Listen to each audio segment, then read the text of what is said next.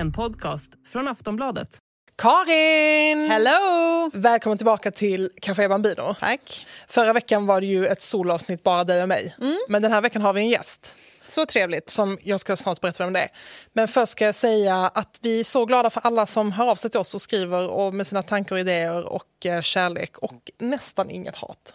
Och eh, ni ska följa oss på Café... På Instagram heter vi Café Bambino Forever. forever. Följ oss där. Följ oss på Spotify. Ge oss fem stjärnor i betyg. Ja, min mamma sa att hon hade gett oss fyra stjärnor för man kunde inte ge fem. Men det kan man. Jag tycker det låter skumt. Fem stjärnor eller inget. Inte bara på Spotify utan också gärna i alla poddappar där vi nu finns. Idag ska vi prata om... Eh, eller du, jag har en fråga till dig. Jaha. Om du kan eh, jog your memory. Yes. Eftersom din hjärna har funnits på den här kroppen i så många år. Vad gjorde du det legendariska nyåret natten mellan 1999 och 2000? Åh gud, alltså vet du, det är så jävla kul för att äntligen fråga någon. Och jag tror att jag gjorde den här grejen bara för att Okej. jag skulle få svara. Jag var på tre olika fester på Manhattan. Håll din käft. Jag var på Manhattan. Va? Är det sant? Jaje. Jag åkte dit, eh, jag hängde med mina kompisar. ehm, Vadå, hade du- en, du jag hade hade en kompis som kompisar? bodde där då. Hon pluggade där. Vi åkte runt som dårar. Vi åkte till något loft i Soho där alla tog kokain. Det var liksom, vi bara åkte runt. Vi hade så kul. Men fy vad coolt. Ja. Vilken var den bästa Inte då? jag, jag gjorde inte det. Nej, men det var en väldigt rolig fest. Vem var den bäst, va, vilken var den bästa av de tre festerna? Kan du säga något kort om varje av alla tre fester? Men först var vi eh, och käkade middag med min kompis eh, hemma hos henne. Det var väldigt trevligt. Sen var vi någon annanstans som jag faktiskt inte riktigt kommer ihåg. ni? Vi åt en fisk. Jag minns, att, jag minns det som att vi åt en ambitiös fisk. Eh, och sen var vi, vi var liksom ett gäng och sen åkte vi någon annanstans som jag inte riktigt kommer ihåg. Och sen åkte vi till den här eh, supercoola festen. Hur gammal var Det du? var så en sån hiss, du vet den där, eh, liksom den där hissen som Ja, så här, som man har sett Metalldörrarna. Varenda tv-serie varenda tv-serie. Så åkte vi upp och så var det ett sånt magiskt loft. Kysste du någon? Nej, det gjorde jag inte. Låg du med någon utan kyssar? Nej, det gjorde jag faktiskt inte. Jag var mellan... Jag var mitt emellan. Den viktigaste frågan, vad hade du på dig? Nej, vad sjukt att jag absolut inte kommer ihåg det. Ja, För det minns jag vad jag hade på mig. vad, hade du, vad gjorde du på? Jag var- Du var ju bara barnet. Ja, jag var 11 och skulle fylla 12. Mm. Jag fyllde 12 år 2000 som man sen fick lära sig att det hette. Men jag tycker alltid det är coolare att säga år 2000. Ja. Min eh, pappa var ihop med en konstnär som bodde i skogen i Småland. Mm. Så vi var där och firade. Jag, det här, jag minns så tydligt för det är första gången jag kände mig... Alltså det är typ så här, första gången jag tror att jag kände mig snygg. Alltså du vet en sån ny vuxenkänsla. Ja, av att hur inte var så- den? Nej men bara att jag var, kände mig snygg. Jag hade, Bra, alltså på, ett det var- jättebra på ett sätt. positivt sätt. Inte Det- på ett så här, "Åh, jag känner mig obekväm med mig själv-sätt. det, då känner man väl inte sig snygg? Nej, nej, nej. Eller jag vet inte hur det är med er feminister, födda 75, men för oss andra så Nej, är det något var positivt här- att känna sig snygg. Och eh, jag hade varit ganska nervös inför millenniebuggen. Jaså? Att var skulle bara 11. stänga ner? Jag visste inte vad som skulle hända. Y2K? Nej, men jag var kanske typ så, kanske kommer, så, här, så här gick mina tankar. Kanske kommer en skyskrapa explodera. Ja. Vilket det ju sen gjorde, men av senare. andra anledningar. Ja. Oh my god, ursäkta, är jag profet? Nej, du är inte profet, men det är kul att du säger så. För det, vi har en an, vår gäst som vi ska ha i programmet, vad tycker du om den här bryggan? Alltså otroligt. Ja, är, eh, var ju, är och var en profet. Jag måste, min barndomsidol Ebba von Sydow. Ja. Hon Eh, tog, kvinnan som tog internet i Sverige, som jag brukar säga. Okej, du är så jävla sjuk nu som tar min ikoniska sägning om Ebba von Sydow som är att hon är kvinnan som tog internet till Sverige. Men så här, så här var det för mig. Nöjesjournalistik var tråkigt och äckligt. Och sen kom Ebba von Sydow. Och gjorde den för dig intressant och relevant. Ja, exakt. Och, eh, Och för dig- Färgglad. Fär, äh, in technicolor. Technicolor. Mm. Och för dig tråkig eftersom du älskar CD-skiva. Res, CD-skiva recension. Jag, var, ja, jag var på en annan plats. Men Eh, Ebba von Sydow är ju åren. journalist, eh, programledare, författare, Profil. profil, entreprenör. Så in i. Och eh, hon relanserade Expressen Fredag 2003. Ja, alltså hon tog en helt typ helt ny typ av nöjesjournalistik till Sverige. Precis. Hon såg eh, någonting som ingen annan riktigt hade fattat och, Och- gjorde det stort. Precis, Och och, då var hon 23 år gammal. Och sen så var det hon som liksom fick ansvar över hela veckorevyn.com och gjorde verkligen Veckorevyn till en tidning online. Startade blogg awards och så.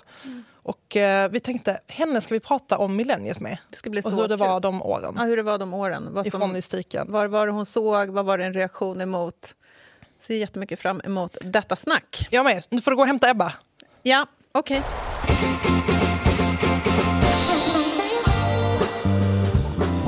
Jag hittade en gammal intervju med dig. Oh no. Den var underbar. Tack så mycket bra. När, när du blev eh, vald till en av Cafés sexigaste kvinnor. Ja. Plats nummer 11 vill jag faktiskt säga. Väldigt Ja, högt. tack för att du påminner mig. Otroligt. Det är högt. Ja, det är otroligt. Vilken grej. Tro, tro, Tone, tror du att jag tolkade det så? Att, nej, jag hade blivit så jävla ledsen om man fick 11. Ja, exakt. Va? På riktigt? Ja, vill ha, Nej men gud, jag hade blivit tagit mig så 20 år glad. för att glömma att bara var plats nummer 11. Men Okej. here we go. Ah, och okej. förlåt, men i alla fall. Då, för jag tyckte att det var så, då är du en liten intervju om det i Expressen och då får du frågan om vad som är sexigt just då. Och för mig är det så kodat det året som är 2004 tror jag. Hollywoodsvall, solbrända ben i shorts, rosa glossiga läppar, guldsandaletter och perfekt bohemchic stil. Ja, så typiskt mig. Jag borde ha svarat något som så här, självförtroende men jag tog det väldigt bokstavligt och bildligt. Hur saknar inte ni den stilen? Ja, jag tycker också det är en härlig ingredienslista. Ja, en väldigt hur? konkret Ja. sådan. Det är väldigt Ja. guidande. Så jag, jag håller fast vid det svaret. Tycker det Var det din stil 2004? Ja, det var det nog. Alltså, absolut, jag levde som jag lärde. Jag vet att det var det för att jag läste det helt religiöst. Alltså jag, det här har jag ju sagt till Ebba, det här säger jag, så fort någon säger Ebba von Sydows namn så säger jag, jag tycker att Ebba von Sydow tog internet till Sverige. Men det är sant. det, det är ju sant! Ja, absolut. Det är sant. Snälla. Och min pojkvän, hans mamma jobbade på Femina. Eller hon var chefredaktör för Femina. Ett kvinnomagasin. Exakt, ett kvinnomagasin. Och hon eh, köpte alla tidningar som fanns. Och jag brukar alltid sova över hos honom torsdag till fredag. Och då varje fredag så läste vi Expressen Fredag hemma. Och det var ju du eh, chefredaktör, den yngsta någonsin typ. Eh, och det var så jävla sjukt för det är typ första gången jag läste nöjesjournalistik och det var roligt för mig. För innan hade Det det varit var nog precis skrivet för dig antagligen. Ja men exakt, jag måste ju varit precis målgrupp. De sa typ modejournalistik men för mig var det inte riktigt modejournalistik utan jag antar att det var typ mer livsstils... Nej. eh, Ja, men Ja, livsstil livsstil. är väl ett bra ord Ja. Ja. som täckte liksom mode, beauty, Ja. Exakt. äh, drinkar, äh, Attityd. svallet, Ja. attityd. Absolut. Ja men precis och jag tror att det var just attityd som var så viktigt och så roligt att läsa liksom. Men jag kommer ihåg att min pojkvän som var några år äldre än mig, han var så, men det är ingen musikjournalistik längre. Det var liksom... Att det, han saknade gamla då, Exakt. liksom, det som precis hade försvunnit, det som vi har pratat om tidigare med 90-talet och hela, Precis. alla de där in och utelistorna om musik och typ, den typen av musikkändisar. Ja. Exakt. Och då var det liksom att modejournalistiken var den, ny, den nya populärkulturen. Ja. Men jag du- knuffade ju liksom ut dem ur tidningen lite grann. Ja. Tidningen var ju fylld av, Expressen Fredag var liksom fylld av krogrecensioner och Ja. ja. Hur så kom du Expressen där. Fredag? Berätta om det, det är så intressant. Hur Ja, gick men jag hade till? pluggat Hur i USA. Du? Ja, berätta allt. Eh, Jag hade pluggat i USA och eh, läst journalistik och jobbat med radio och sådär där. Och det här var ju liksom precis runt millennieskiftet så då var det ju förstås liksom the era av eh, Paris Hiltons of the world, eller hon egentligen, och eh, ett gäng med henne. Eh, jag tyckte det var liksom otroligt fascinerande att de eh, ju i princip var de första som var kända eh, för att inte göra någonting annat än att vara kända. Eh, och så tog jag liksom med mig den journalistiken hem till Sverige när jag flyttade tillbaka eh, och började jobba då eh, på Expressen som, ja, egentligen först som musikskribent faktiskt. Men hur var liksom, om du tänker tillbaka på, hur gammal var du då när du pluggade i USA? Typ 20? Efter studenten, Var det då, läste du tidning då eller var det liksom internet? Tidningar. Ja, tidningar. Så det var inte som att du läste typ Paris Hilton? Eller Perez Ja, Hilton. Perez Hilton som Ja, var en men det hade de inte första. kommit riktigt än. Nej, då. okej, När kom så det? det? var fortfarande... Ja, det var några år senare. Ja, eller hur? Det här är liksom precis, i, precis innan. Ja, Alltså, Aftonbladet lanserade väl sin så här webbversion på slutet av, 90, på slutet av 90-talet, men det var inte stort på det sättet. Det var verkligen papperslogik fortfarande. Ja.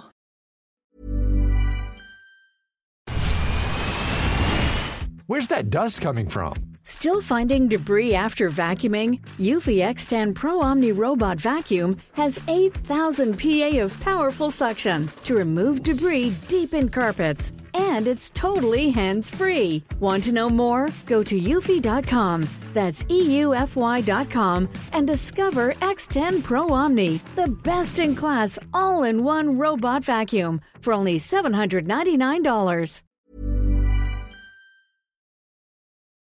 Men vad var det du såg? Alltså, jag är så nyfiken på det. Vad var det liksom, du säger att du blev så intresserad av den, eh, ja, det sättet att leva eller den typen av kändisskap.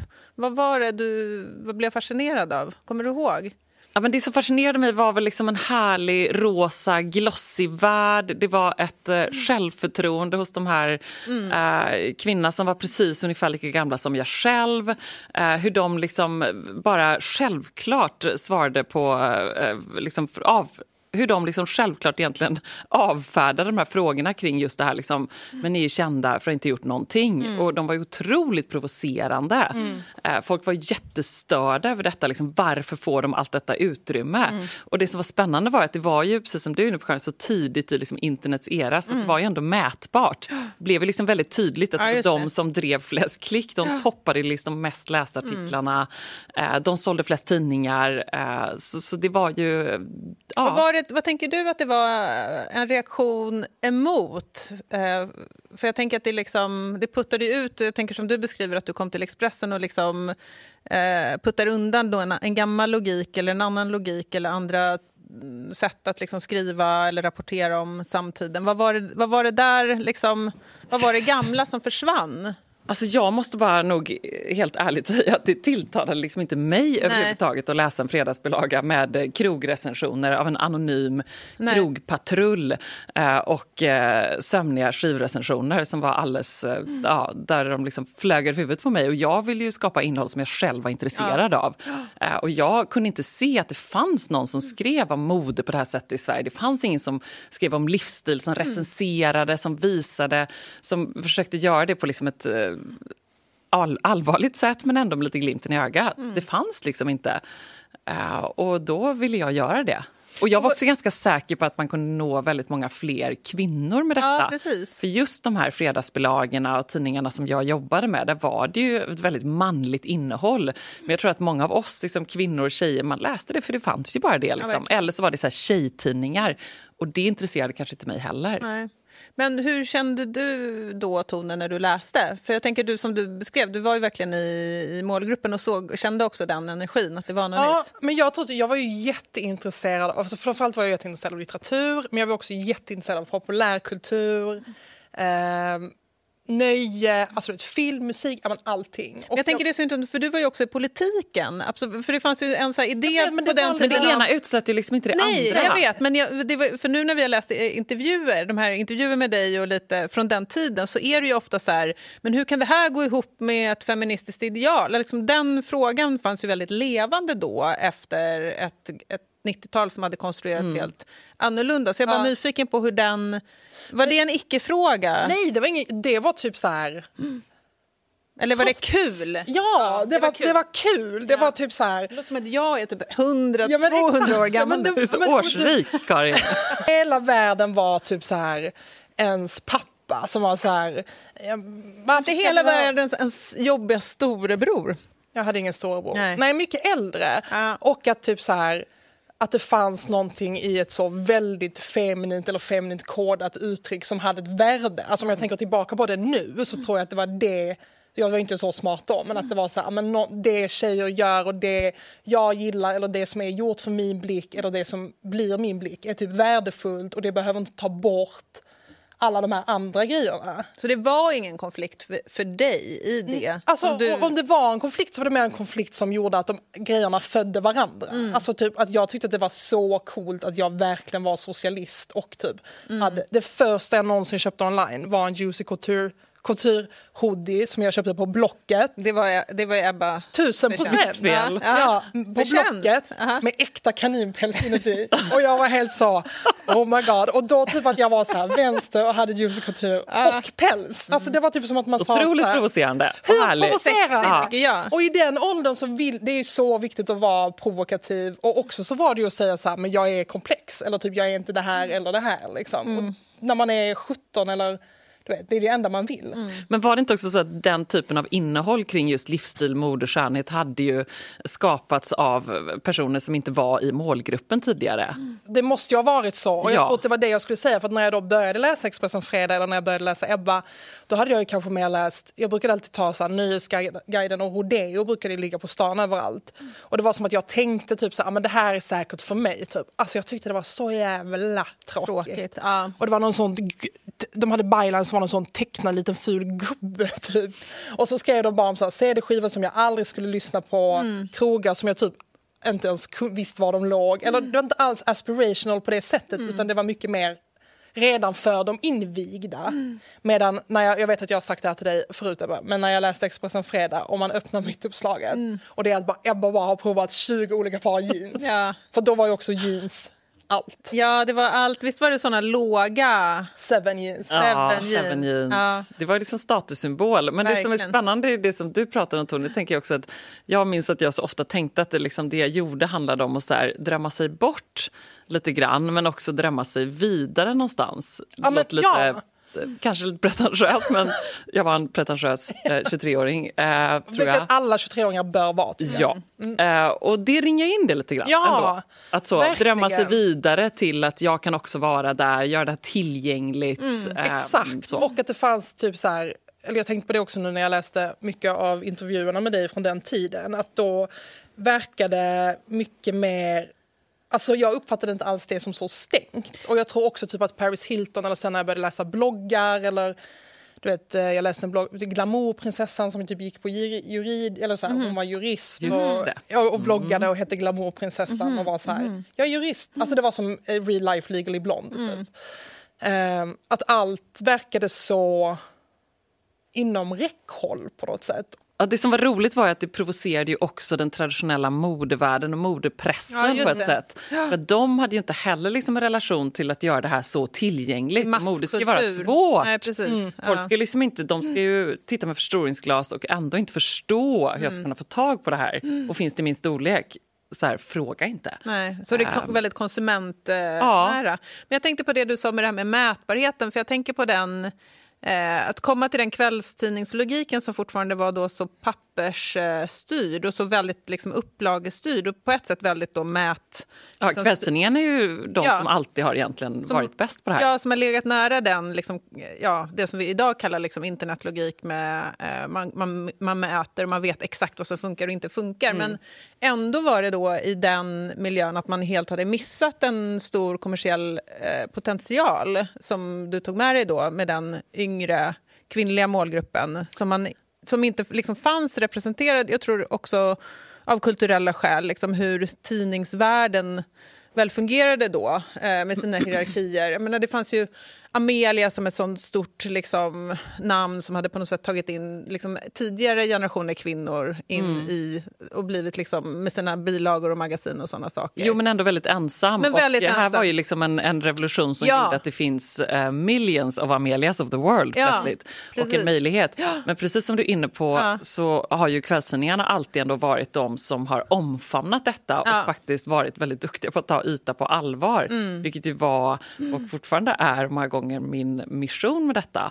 Och därför hamnade jag ju väldigt rätt på Expressen förstås. ja, för det hade varit Eh, för att- svårare någon annanstans. jättesvårt. Därför att där fanns det ändå, jag upplever ändå alltid en respekt för eh, numbers. numbers, ja. ja. och jag älskar ju det. Ja, det är vår eviga konflikt, och min Karin. Ja, jag älskar också nämligen siffror. Ja, ja. ständigt. Alltså det är ju det. Man måste ha, Ja. ja, och det var ju det. Liksom. Och det var också Mm. det när jag började blogga på Expressen som var det fantastiska.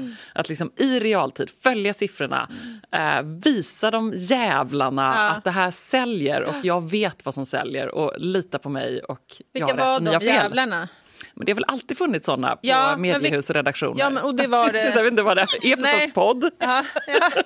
Nej, men absolut. Men jag bara tänkte så här, vem fienden var. Om det var den liksom, interna logiken en- eller om det var jag vet inte, en annan generation eller en föräldrageneration kanske mer. Eller vad det var, vilka de jävlarna var. Men var det inte väldigt många var det fiender? Ja, Alltså att det var från väldigt många håll. Fiender var liksom från en modevärld som tyckte det här var superläskigt. Att eh, här kom Ja. mode från ett helt annat håll. Det var från en annan generation journalister som har jobbat och liksom såg på det här nya med skräck och fasa. Eh, det var från eh, ja, antifeminister kan man nästan säga som var väldigt snabba med att kategorisera det innehåll som jag gjorde som någonting eh, fult, ytligt och dåligt. Så det var ju liksom från alla håll. Jag läste en intervju, det är så jävla ball, för jag läste en intervju eh, med dig då från 2006 typ. Med, med i Svenska Vi- Dagbladet. vi läste den. Vi läste, Ja. vi läste en intervju med dig. Typ jag 2006. hittade den, jag skickade den till dig och sen läste vi Du den. hittade Ja, den och skickade den till mig. Och sen läste vi båda Man märker den. vem som har flest årsringar här. Och vem som är bäst på att googla. Ja, verkligen, du så, det var jättebra googlat. Jätteduktig. Ja. Eh, Men då, jag blev så, då kändes det som att tonen typ i hur du blev intervjuad, det var som att det var så här 1952. Alltså Ja. det var helt... Ett, det var som att internet typ hade ramlat Ja. ner från en yttre rymden. Vi kan länka, vi kan länka Vi borde länka den. Vi länkar Men den det hemskt. roliga var att jag kände att den, den reportern gjorde en, en exakt likadan intervju med mig fast för tre år sedan. Ja. Som också var som att internet hade fallit ner från Ja, rymden. ja. Och att det var ändå så, det är så jävla misogyn ton. Ja, Men som inte går att sätta finger... Man är typ så... ja. Vad Du är som det skriver sån här litteratur. Ja, Ja. Det var mycket tjej, det var mycket så här tjej... Tjej, du har ju tjejskor Tjejskribenten, tjej... Ja. Men hur orkade du? Alltså hur orkade du? Ja, det undrar man verkligen när Ja, man läser, går igenom de här intervjuerna och rapporterna. Och liksom jag läste också så mycket om, jag vet inte, folk var såna jävla svin bara. Ja, och så fick Ja. jag någon slags kunglig behandling nästan, att jag också skulle vara någon slags eh, fläckfri förebild. Väldigt Ja. ofta. Så, ehm, så fick ju liksom inte göra någonting fel. Hur orkade jag? Ja, hur orkar man? Man har väl någon så här, eh, ja, idiotisk känsla av att jag har rätt och de har fel ändå. Alltså, måste man ju ha. typ hur man kan ha det när man är 25. Alltså för att när jag var 25 så kände jag typ att jag gjorde alltid, alltså bara fan jag har alltid fel verkligen. Men jag grät ju på toaletten på eh, Expressen och liksom, det var hemskt. Mer än jag inte gjorde. Nej, så, var det inte, så illa var det inte, men det gjorde jag absolut. Ja. Det var fruktansvärt, såklart. Alltså, hemskt på många sätt. Du hade en journalistutbildning, du hade pluggat i USA, du hade jobbat som liksom, reporter. Du hade all den här kunskapen, men ändå så blev... Ja, alltså behandlingen är ju skandalös nu verkligen när man går tillbaka och tittar. Eh, väldigt intressant tidsdokument. Eh, Ja, men det är det. Det är det verkligen. Och att du, eh, menar, du kommer, du gör den här succén, tar med dig de här nya perspektiven och blir bara... Eh, men det är faktiskt inte riktigt klokt. Nej, hur- glöm aldrig vara med i någon du har, Stina Dabrowski-intervju. Du kommer med den yrkeskunskapen som Ja. faktiskt... Berätta om Stina Dabrowski. Ja, berätta om det. Nej, men jag har faktiskt nästan förträngt det. Jag kom på det nu när du började prata om det. Men Ja. det var ju många såna förfärliga intervjuer. Ja. Och jag minns att jag var ändå så här duktig flicka och ville liksom läsa på och tänkte nu ska jag leverera och här är mina siffror, jag har koll på mina grejer, jag vet vad jag vill. Eh, och så var det ändå väldigt svårt att stå där, liksom, sitta där i en tv-soffa med eh, Stina Dabrowski. Det här är ju, alltså för den som är ung idag, det här var ju, alla tittar på det. Det är liksom Precis. Sveriges största talkshow, Ja. då, eller frågestånd Ja. Mm. frågeprogram. Det är liksom en enorm maskin, Ja. en atlantångare till tv-program då. Nej, det var, eh, det var Vad hände? fruktansvärt. Nej, men det var liksom egentligen bara... Jag tror att det var en känsla där jag borde sett liksom varningsklockor redan från början när någon ringer mig från researchen och liksom vad de frågar. Eh, där de väl, jag menar, deras mål var liksom bara att eh, ja, helt enkelt förklara för alla att eh, jag var precis så eh, eh, pantad och eh, korkad och ytlig, Ytlig, som ja. väldigt många trodde. Du skulle liksom vara Sveriges Paris Hilton. Ja, ja, Eller? vet inte. Jag skulle bara inte vara, jag skulle bara inte vara någonting. Du skulle bara inte vara här ens. Jag skulle bara inte vara här överhuvudtaget. Men det var ju liksom också en tid när folk var så provocerade av att just... Eh, så här, vad har du gjort då? Vad skriver de? Vad är detta? Varför är folk intresserade av det här? Jag fick liksom svara för det väldigt mycket. Så här, varför, är, eh, varför vill Tone ens läsa om det här? Är det bra för henne? Look at me now! Look at her now! Precis, here here. Eh, Ja, men det var väl en, eh, en, liksom ett politiskt arv också, tänker jag. Liksom någon slags Ja. konsumtionskritik och en, en, en, en slags femini, alltså en tidigare våg av feminism som var helt an, kodad på ett helt annat sätt. Så jag tänker mycket av den här reaktionen också blev nästan mo- mot det, alltså mot ett uttryck, mot en estetik som var så pass annorlunda och eh, tidigare generationer inte alls liksom kände sig bekväm med och tyckte bara representerade någonting, ja, jag vet inte, någonting nytt och obekvämt. Då. Så jag tänker också, ja, jag vet inte, det känns som att du fick, fick bära mycket i alla fall. Just nu på de senaste typ åren på TikTok så är det väldigt mycket typ att den unga generationen, alltså de som är kanske 20 nu, upptäcker typ alla gamla David Letterman-intervjuer. Ja, ja. Med typ så Lindsay Lohan, Vad- vad Britney? Spears och bara Vad är säger det här gubbjäveln?" för äcklig ful gammal gubbe som sitter och typ så här gör mer, typ så världens största pop. Bara, eh, så you're an alcoholic typ. Och, och nu när man ser det nu så är det ju helt sinnessjukt. Ja. Och att han var så uppbar, och han också var uppburen som så himla smart. Ja. Typ att alla var så, han är så smart, bara, nej han är misogyn. ja. Och det är så enkelt att göra ner någon just särskilt i en tv-soffa. Ja. Men det är det, jag minns också så här, Janne Josef som var med i någon sån här fruktansvärd debatt också med honom. Och Ja, just, just den här det. känslan av att Det liksom han, ihåg. Ja, för det var så typiskt, så minns jag så väl att han stod bredvid mig, även Alex Schulman tror jag var med, minns inte exakt. Ehm, han kan bara ha varit med i mitt huvud annars. Eh, och så stod han liksom bredvid mig och pratade om mig. Och det var jag liksom med om i flera sådana sammanhang. Här står en sån som, så så här, men jag är här! Lite apropå de här- oartigt. så, sån fruktansvärd härskarteknik. Ja, alltså, jag skulle kunna göra det med mina barn idag. Ja. Men nu är de liksom, kommer också bli skadade for life. Men det är liksom hemskt Ja. att minnas det verkligen. Och stå där och känna så här, men hallå! Alltså, hatar inte du media Sverige ja, nu? jag undrar också, hur Alltså, du- tänker du på det idag? Ja, jag tror att jag bara är så, man blir så skadad av det på något sätt. Det blir bara så här, slåss Ja. för det som, som jag vill göra eh, och som jag tycker var viktigt. Och eh, ser jag tillbaka på det så, så ser jag faktiskt att jag lyckades med det eh, på ett bra sätt. Det, det Ja. tycker jag ändå. Hur var det liksom, vilket började du blogga samtidigt som att du var, blev chefredaktör på Expressen Fredag eller hade du redan gjort det? Eller Nej, jag var redan eh, chef för Expressen Fredag Ja. och då så startade de ett gäng bloggar på Expressen och så frågade de väl runt lite grann vilka som ville börja och då eh, räckte jag upp handen och sa att jag ville göra det. Vi, kommer du ihåg hur det var i början? Och, Ja, det var ju... Det är så spännande för nu när eh, Karin gör entré på TikTok och så här, det blir jag väldigt glad över att höra för det var ju liksom ändå väldigt likt att, Ja. så här, den här, att omfamna nyfikenheten. Ja. Stay curious, Ja. for God's sake. Det försöker jag fortfarande verkligen eh, vara. För det var ju precis det, folk blev ju så rädda. Ja. Och det som de var mest rädda för, det var ju liksom inte själva bloggen för att det var ju bara som publicera en text på Aftonbladet Expressen. Det var ju kommentarerna. Det var ju det som var så här skräcken. Liksom. Vad ska hända? Eh, Ska om folk få någon, skriva vad ska som folk få helst? skriva vad som helst? Och det här minns jag också så väl. att liksom, ja, så sitter matredaktionen. Om jag lägger upp ett recept på liksom en eh, krämig morotssoppa. Tänk om någon kränker detta och skriver liksom hatkommentarer. Och min känsla... Precis. Och Ja. min känsla var liksom bara så direkt att så här, men det de kommer skriva är att de kommer älska den och så kommer de bjuda på sitt eget recept på morotssoppa. Alltså det är ändå det som var min grundinställning och så blev det också väldigt mycket. Och det var ju det som var nyckeln till bloggandet då och som gjorde att det, det fortsatte växa och bubbla. Att där växte ju liksom en härligt community och hittade du dina läsare snabbt där i bloggen? jättesnabbt. Ja.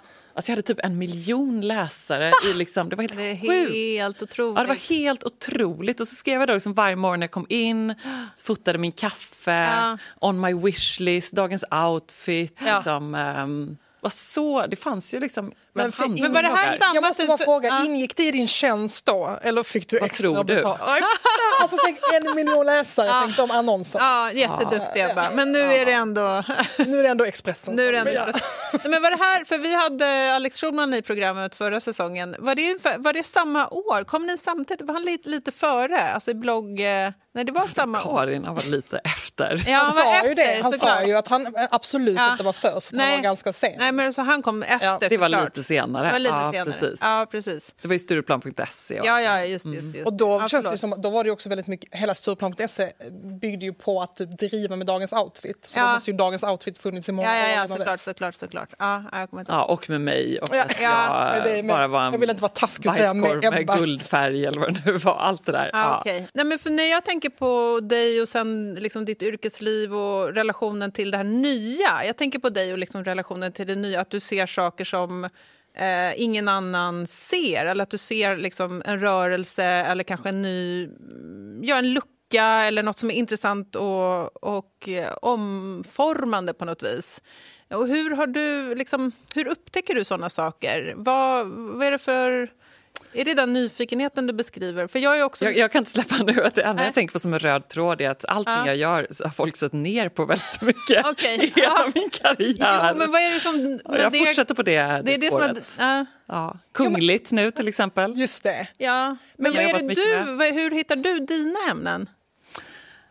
Ja, men jag eh, utgår ju liksom enkelspårigt nog från mig själv väldigt mycket. Eh, och har nog alltid gjort det. Mm.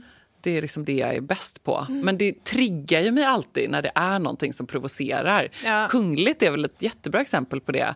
Eh, när jag började jobba med kronprinsessan och prins Karin Daniels hatar ju bröllop. kungafamiljen. I very Nej, det gör jag know väl inte. vad hon tycker. Va? Nej, men vet du, jag älskar inte dem. Jag jag hatar älskar inte kungafamiljen. Jag är liksom, kan jag få vara republikan? Det är inte personligt. Det är. Nej, men nu ska Nej, vi prata om det här, Karin, så du kan gå och ta en kaffe. Ja, jag tänker absolut vara med i det här samtalet. Jag tänker sitta Bra, kvar. vi vill ha med dig. Ja.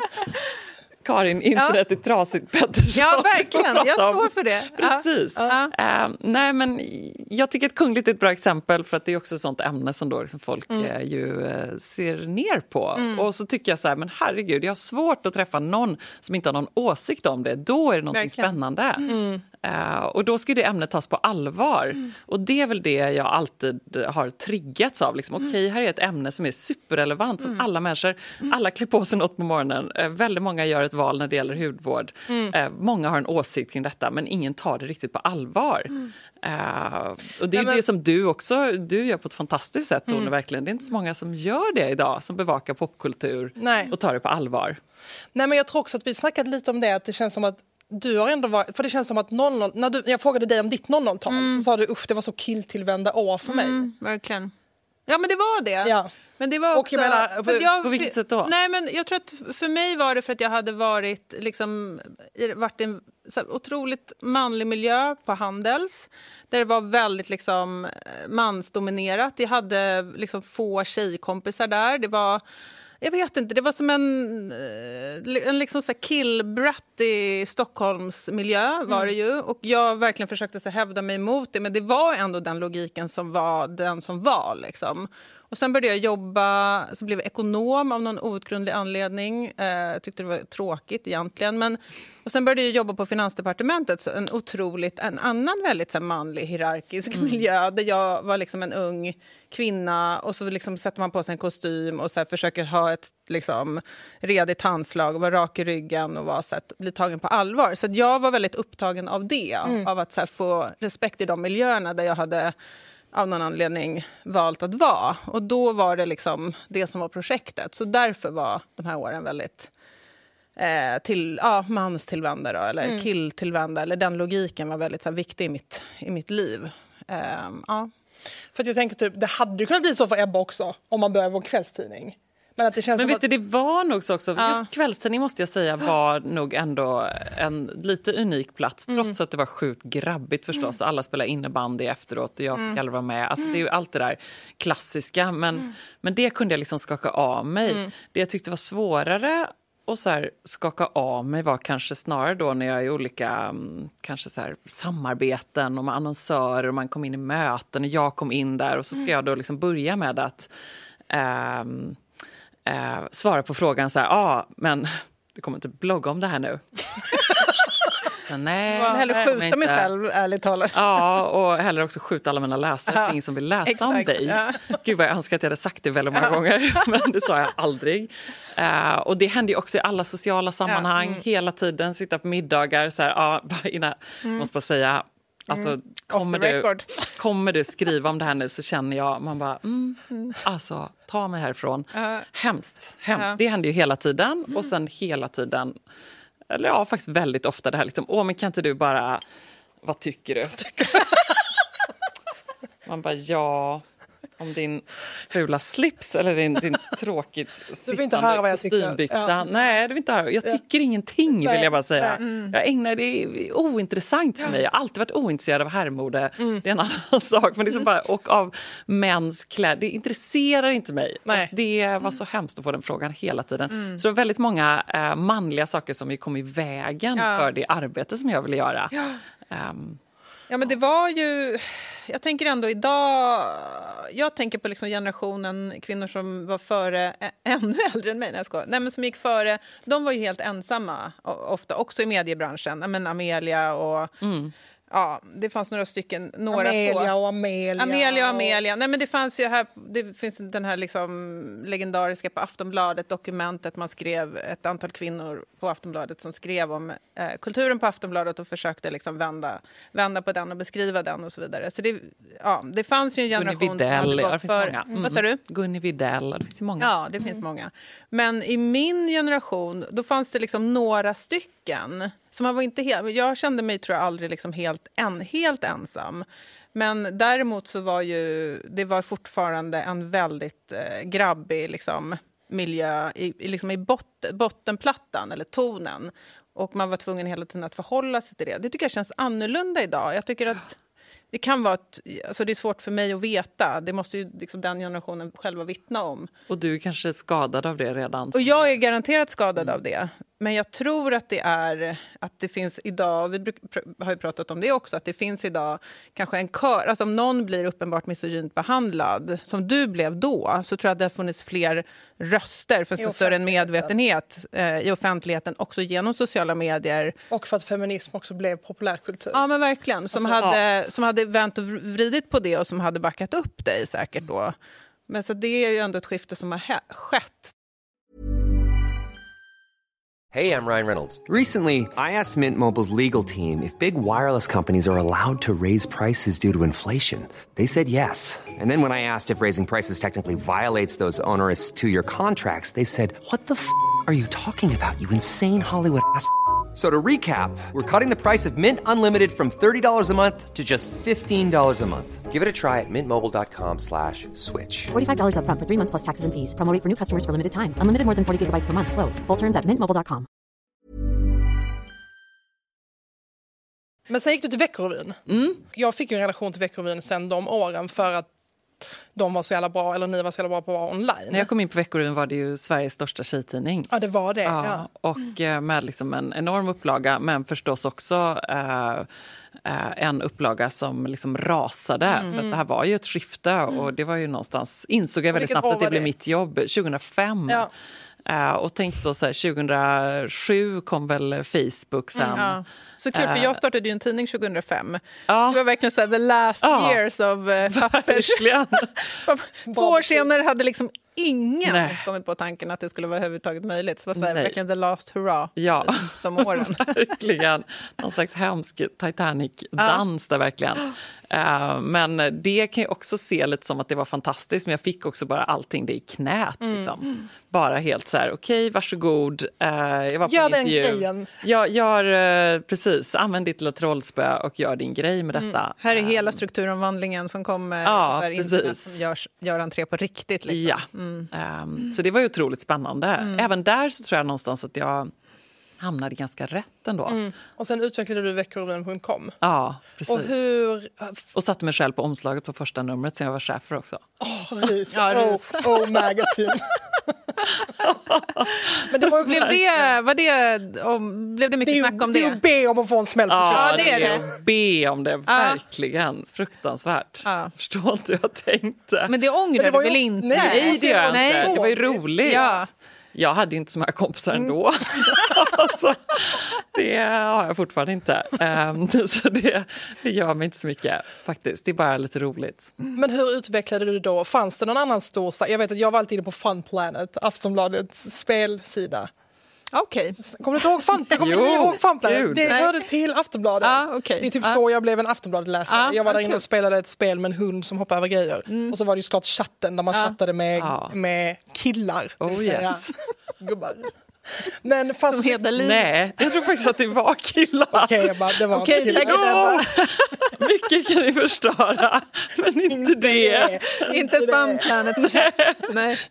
Okej. Aftonbladet-chatten. Nej, men eh, var det liksom, hur var det, var andra tjejtidningar eller så här online i Sverige då? Eller hur var det liksom? Ja, det var väl liksom ett naturligt skifte. Men Ja. jag försökte nog snabba på det Ja. väldigt mycket och försökte föra in bloggar och försökte också föra över hela affären dit. Och liksom så här, okej, jag ska vara på omslaget, jag ska tjäna pengar, jag ska vara personalansvarig och jag ska se till att det här liksom inte går under detta skepp. Så det var ju ett jädra jobb liksom. Eh, jobbade ju jämt. Hur värvade man ens blogg? Alltså hur hittade ni bloggare? Eller liksom, hur, var det som att leta upp skribenter? Ja, jag gjorde det helt enkelt. Jag hörde av mig till lite olika och så tyckte folk att det var kul att skriva och göra det för Veckorevyn. Men hittade du folk som redan bloggade som du tog till, till Nej, utan jag scoutade ny- liksom scoutade nya. nya. Ja. Ja. Som jag trodde kunde vara bra. Har du någon du är särskilt stolt över? Um, gud, men jag scoutade en jättebra sex och relationsexpert som heter Hanna. Hanna Arnö? Ja, precis. älskar henne. Ja, väldigt ja. bra. Eh, hon borde ju verkligen ha bloggat vidare, tycker jag. Verkligen, ja. Väldigt duktig och var, hade en fantastisk ton. Eh, så det var liksom ett härligt gäng. Jag kan ändå vara stolt över att det var liksom inte en enda artikel om eh, bantning och eh, vikt. Eh, och det gjorde förstås att det sålde sämre, så Mm. man får ändå ha någon slags eh, moral i kroppen och det hade ju även jag. Mm. Det kändes ändå skönt efteråt eh, att inte ha gjort det. Det visste jag att det skulle sälja mer. Ja. Men det är väl också alltid kul. Jag fick liksom experimentera så himla mycket. Jag kommer också ihåg på Expressen Fredag när så här, Håkan Hellström var det väl som hade typ slagit igenom ändå ganska okej. Och så tänkte jag så här, men vi vågar sätta en, en kille på omslaget ändå. Eh, och det sålde så dåligt. Men så var det ändå Håkan Hellström. Nej, men det sålde ju dåligt. Ja, ja, ja, precis. Men liksom för historien. Ja, jo, absolut. Ja. absolut. Det Men var en bra intervju som jag Men själv äkta, skrev. nu är ni med siffrorna igen. Ja, jag bara, ja, men okej, nej, men det, det sålde ju dåligt. Ja, det hade du gissat också. Ja. Ja, men det är Men- roligt att få testa. Ja, verkligen. Men jag funderar på de här ämnena och liksom målgrupperna som du har sett och det som du tycker har varit undervärderat då, eller ja, undervärderat i medielandskapet eller in, ja, andra journalisters intresse och sådär. Tycker du att det är, har blivit en skillnad idag? Eh, eller tycker du att det fortfarande är så att det är liksom stora fält som som traditionella medier missar? Och hur, om Jag du jämför tycker- logiken idag med då, är det annorlunda? Något som är väldigt likt är att eh, det fortfarande är eh, svårt för många att förstå att det här innehållet som tycks vara så lätt att skapa Ja. faktiskt är ibland ganska svårt att skapa. Och det som gör det svårt är att ibland är det också skitenkelt. Alltså ibland är det jättelätt. Jag kan också bli, eh, liksom tänka så här provocerande om Matilda Djerf tar liksom en bild på sin cappuccino och får 43 000 likes. Det är inte svårt, det är lätt. Men att bygga upp det som hon har gjort och att ha den, eh, vara så konsekvent som hon har varit och att eh, liksom, ja, hitta den eh, formen och vara en sån estet, det är svårt. Att hitta en ton är svårt. Eh, men det tycker jag fortfarande man ser väldigt tydligt idag med ja, alla Bianca Ingrossos of the world. Liksom, att folk förstår ju inte så här, vad är det hon gör. Nej. Eh, jag kan också göra det där. Jag bara säga, nej det kan du inte. Ehm, eller vad tycker du? Nej, men det kan jag förstå ehm, och det kan jag hålla med om. Sen, jag menar, vi har pratat om Bianca Ingrosso specifikt i eh, programmet tidigare. Och sen, men, det, men det är en helt annan diskussion. Om, och då är vi lite tillbaka till liksom, där vi började, de frågorna som du fick kanske kring så här, ja, men vad är det här för innehåll? Ja, och där har vi inte kommit så mycket längre. Nej, där har vi inte kommit så mycket. Och är hon en bra förebild? Och liksom, jag vet inte, jag har en dotter som är så preteen och hur fan... eh, Jag fattar, att, jag fattar idag, och jag tror att liksom omvärlden också ser att Bianca Ingrosso är ett affärsgeni alltså Ja. på ett annat sätt. Hon får ju respekt för det idag. Precis, det får man idag på ett helt annat Det sätt. får man idag på ett helt annat sätt. Men det det för mig gör ju inte att liksom, jag nödvändigtvis tycker att hon är en jättebra förebild. Nej. För liksom, Men måste hon vara det? Nej, det måste hon inte, men, men samtidigt... Nej, det måste hon inte. Men jag tycker också att det måste finnas ett språk där man kan kritisera eh, star, liksom stora, starka, inflytelserika folk som har väldigt mycket makt i kulturen, som hon har. Så det allt det ska inte ligga på henne, men man måste också kunna liksom, ha en kritisk blick på det. Så att jag är ganska kluven kring det där. Eh, jag tycker ibland att det blir för lätt att säga att man inte, att man inte får kritisera alls. Liksom. Ehm, nu när jag läser liksom om, om hur du blev behandlad då, för när du kom fram, så tycker jag att det är helt liksom, Ja, där, då har man ju hänt grejer. Ja, där har det hänt grejer. Fast det har ju på, alltså, det, jag tycker Eller det är vad så du? dubbelt. För att jag vet att när vi pratade om det här par avsnitt sen och så sa du till mig typ att jag alltid är så soft med att typ kritisera influencers eller så, även om vi har samma politiska värderingar och sånt. Ja. Men för att det känns som att det är så jävla, varför ska just de få, eller du vet, för att de bara är ute med sitt face och sen så finns det människor som gör helt fucked up grejer som, ingen, som är biljardärer. Ja, man verkligen. inte- och jag tror att det också grundar sig i att ha växt upp eller varit tonåring eller typ så young 20s och se typ tjejkultur bli så stort eller så här, och hur bespottat det blev. Att det fortfarande är bara så i ryggraden. Bara, men måste vi typ så snacka om Kylie Jenner? Eller måste, kan vi inte snacka, eller kan vi, finns det inget annat fokus? Där? Jo, jag fattar Men det. sen samtidigt tror jag att om man till exempel, alltså, Och det håller jag med om. Det här, liksom, jag tycker också att det blir, det slår helt fel att liksom slentrianmässigt gå på liksom, de här, så här drev mot influencers eller drev mot folk som är så stora mm, liksom, i tjejkulturen bara för sakens skull som är någon slags nästan sån polis liksom, tror eh, reaktion. säger- Det gillar jag inte Nej, heller. Men att Men det att en kunna... seriös bevakning Ja. av internetkultur eller populärkultur och det är kanske det som fattas. där. Det tycker jag fortfarande Ja. fattas. Eh, och Att det, inte är antingen så är det köpt innehåll eller så är det typ så här att någon säger så varför gör de så? Typ. Ja. Det hade varit intressant med typ en seriös bevakning, alltså Ja. seriös nöjesbevakning. Ja, men att ta det på allvar. Det är Exakt. det. Att ta liksom Exakt. det på allvar och, och djupdyka, analysera varför blir det så här. Det, det är jättespännande och det görs ju inte riktigt Nej, tycker jag det tycker idag. jag saknas Eh, faktiskt. utan det är liksom bara eh, svinhård kritik eller just eh, den här smala, smala korridoren av så här, du får inte säga någonting Nej. alls för att då är du antifeminist. Ja, och det är jättetråkigt. Jättetråkigt. Ja, det är det. Eh, så det får man ju verkligen passa Men för ibland idag. tycker jag också att det känns som att kritiken är typ på helt grundnivå och Mm. då blir det som att man automatiskt blir så här, bara, nej men jag håller inte med om din kritik typ, för att det bara är så. Den är för dålig. Kritiken är i typ, sig är den är för för dålig. oinsatt. Ja. Typ. Ja, är precis. dåligt. Och det är Ja. den ju väldigt ofta. Ja. Eh, För folk orkar inte sätta sig in i Nej, detta riktigt. precis. Eh, Men det har väl också alltid varit liksom lite problematiskt. Jag tänker på eh, när eh, vi då började blogga, jag och några till, och så började man kritisera någon annan. Då kallades det genast för ett bloggbråk. Ja, ja. Bara ordet bloggbråk är ju liksom förnedrande. Ja, att så här, håller ni, här håller ni, det är liksom som tjejbråk. Ja, ja verkligen. Catfight. Ja, verkligen. Men du startade ju Blogg Awards också väl? Ja, det gjorde jag.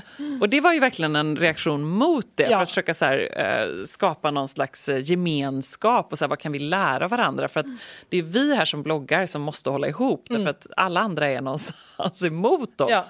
Ja. Eh, för att folk såg ju också detta som ett sätt bara att göra snabba pengar medan jag såg det som en affärsmöjlighet. Och tittar man nu på många av de som började blogga då så ser vi ju att det är Michaela Forni och Petra Tungården som idag driver framgångsrika bolag. Och det är ju fantastiskt. Och jag tänkte också när jag såg på, för jag kollade någon lista, något års vinnare och så var det typ årets kändisblogg och så var det så här Carolina Gynning och bara okej Ja. hon har kanske också lyckats, hon har alltid varit så bra på sociala medier. Och det har väl också verkligen förlängt hennes kändisskap. Alltså. Och hon är också ett sånt exempel på just så här, bara hur svårt kan det vara det hon gör. Men hon har ju hållit i det så touch. länge. Hon har hittat en ton som funkar. Men hur skulle en sån, bevakning, hur skulle en sån liksom bra bevakning eller kritik se ut då? funderar jag på. Är det liksom mer affärsjournalistik då? För det är ju ett sätt. Jag tänker att det är två delar av Ja. det.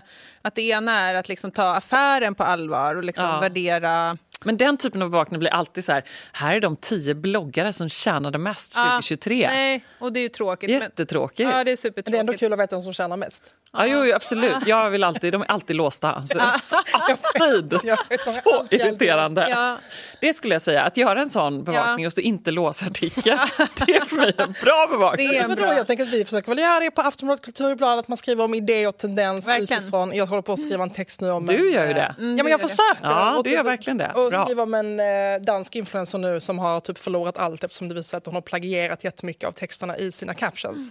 Och det tycker jag, alltså bara skriva om vad det betyder, vad är plagiat nu, Mm. som inte egentligen mer handlar om typ Ska man banta eller inte banta? Mm. Eller för jag fattar vad du menar, okej förebild eller inte förebild, men det är ju också Nej, lite men okej, men, kritik. ja, men det är en superplatt kritik. Men jag menar mer så här, hur hittar man ens in i den kritiken så att den blir både relevant av ett uttryck och en kultur då, som ju är intressant kanske Mm. på kultursida, eh, men som ändå inte är liksom bara på individen men som inte heller bara är då på liksom affären så att det blir så här Dagens Industri, liksom, Nej, men det finns väl omsättning och massor och så här estetik, vad är det för typ av Ja. Mm. bilder som trendar nu? Ja. Att det är liksom mycket så här fulare och ögonblicksbilder Ja. och liksom Nu är det renskrapade mycket att- tallrikar. Att det ska vara väldigt, att det är så mörkt. Ja.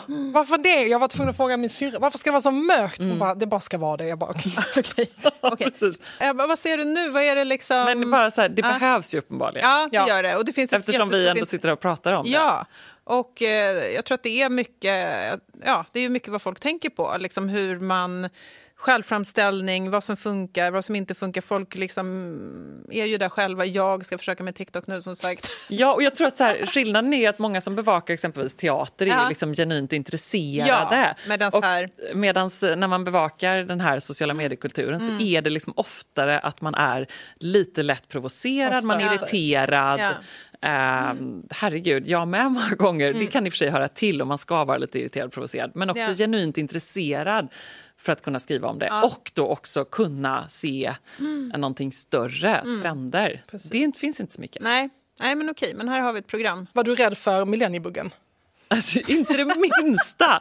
Jag var inte rädd för millenniebuggen. Jag var inte rädd för hatkommentarer. Jag var liksom övertygad om att eh, Det finns alla ett ändå... internet där alla älskar mig. Ja, men lite så. Jag Men du tror hittade ändå... din publik ju. Jag Var hittade inte- min publik Ja. och eh, till skillnad från många andra så var inte jag särskilt anonym. Nej. När jag började blogga så var det ju väldigt många som ha- hade halshuggna outfitbilder och som liksom bara var på sin kammare och man visste inte. Just, just det, för Ja. då var det så indieblogg. Ja, Ja, ja, det var liksom det. så. Och spegeln och så visste man inte är, vem är den här tjejen i Skövde och vem är liksom eh, Änglas Just showroom det, jag egentligen och vad jobbar det. hon med och vad bor hon? Oh det var God, RIP. Englas showroom, eller inte RIP för jag hoppas inte hon är död men eh, RIP för att bloggen inte finns längre. Det, det, jag tror den finns. Vad kul att...